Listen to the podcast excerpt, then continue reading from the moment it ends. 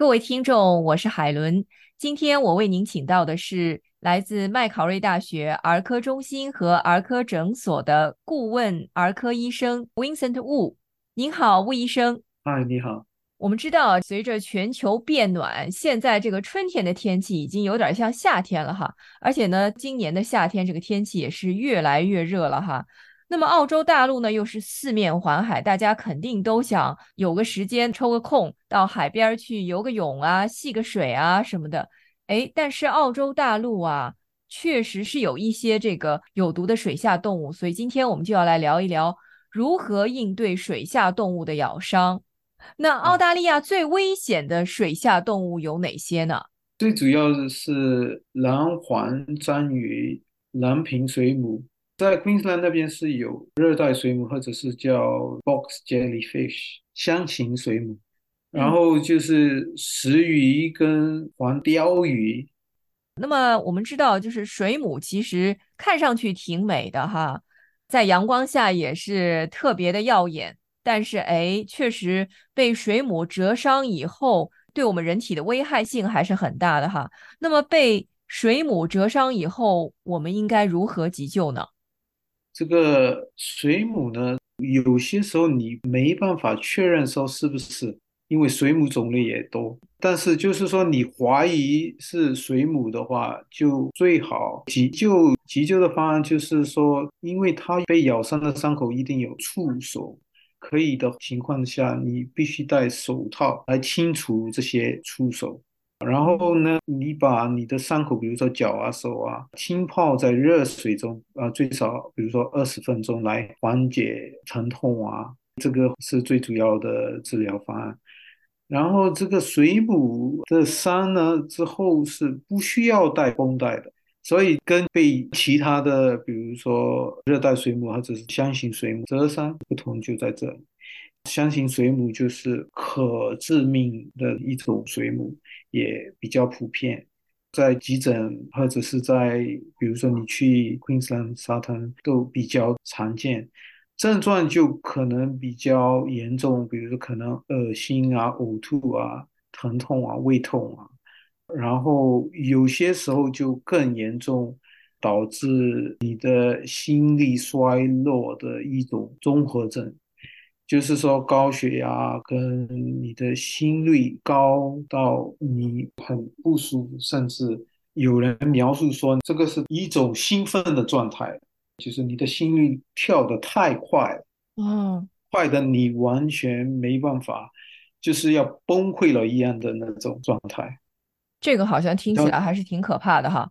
啊，对，被箱形水母蛰咬之后，急救里面不同的是。伤口可以用海水清洗，最好的办法就是用醋来洗，可以把毒素给清洗了。因为那个醋是因为酸嘛，就是可以减轻毒素的作用。对，以前也是听老人说过，这个醋是可以消毒的哈。没想到对于这个箱型水母就起作用了。对，在这里还有另外一个重要的是，除了把触手去掉，把伤口用海水或者是醋洗掉。伤口一定要避免摩擦，因为摩擦的话，这个毒素会扩散。那是不是也应该戴手套呢？哦，最好戴手套。但是有些时候没有的话，你只能用，比如说海水清洗，或者是用醋。嗯，好，明白了。那么刚才您也提到了蓝环章鱼，我好像听说这个蓝环章鱼的毒性也是非常强的，是这样吗？蓝环章鱼咬伤也会致命的，因为它们的毒性是会导致瘫痪，甚至停止呼吸。它的毒素是神经毒素，所以可以十分钟之内引起麻痹的这种作用，然后就也动不了了。对。那么，如果说是很不幸被蓝环章鱼咬了之后，是不是说十分钟之内这个急救人员不到的话，我们就没有存活的可能性了呢？这种状态就是需要紧急的来抢救，就是说给予心肺复苏，保持他的呼吸跟心跳，等待急救人员的到达。其实您说的就是，如果有很多人都可以进行心肺复苏，等到急救人员来，哪怕超过十分钟，但也是有可能的了，是吧？对对所以说还是要抢救及时哈，因为最怕的就是可能心脏停跳，或者说是血液中没有氧了，还是要保持他的心肺功能的这个稳定性。啊，对那您刚才也提到了，就是有石鱼和黄鲷鱼啊。我知道石鱼是被誉为世界上最毒的鱼。那被石鱼咬伤以后，我们又该如何急救呢？预防是最主要的，为什么呢？它是有区域的，在海岸边比较容易见着这些石鱼的话，你可以比如说下水的时候穿防这些刺的鞋子啊，比较厚的这种。然后当然被扎伤了，因为它的刺是比较长，嗯然后刺里面有毒，所以这个怎么来急救是有点复杂。为什么呢？因为可能刺伤的比较深，嗯然后要看刺伤的部位，比如说真的刺伤到你的心脏啊、内脏啊，就比较危险，就是因为毒性直接扎伤到 你的嗯，对心脏。对对，啊，当然，通常是你的肢体，对吧？你的脚啊，你的手啊，因为你会摸，或者是你的脚在动啊，或者是触摸到、踢到，然后被扎伤了。最主要的急救就是你可以先把伤口要四十五度的热水泡一个半钟头，但是有些时候没办法，有一定的限制。第二个最主要的是，你被扎到的刺啊，扎得很深的话，最好不要自己去把它取出来。为什么呢？可能一部分的刺会残留在里面的话，那就麻烦。嗯所以就是看具体扎的多深，有些状态需要做手术来把一整块的刺取出来。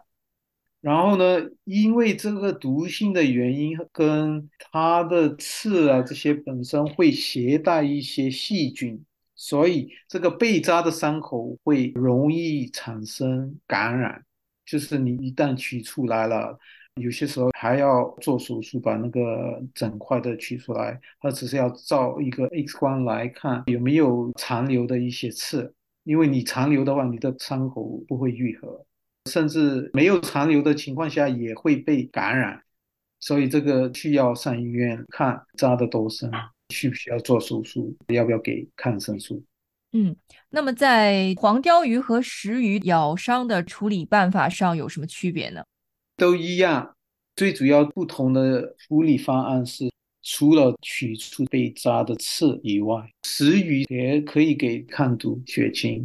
因为石鱼的刺里面的毒是可以用这个抗毒血清来减轻中毒的状态。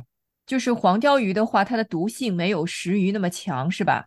对，好的，今天非常感谢来自麦考瑞大学儿科中心和儿科诊所的顾问儿科医生 Dr. Vincent Wu 来到 SBS 普通话节目做客，谢谢您。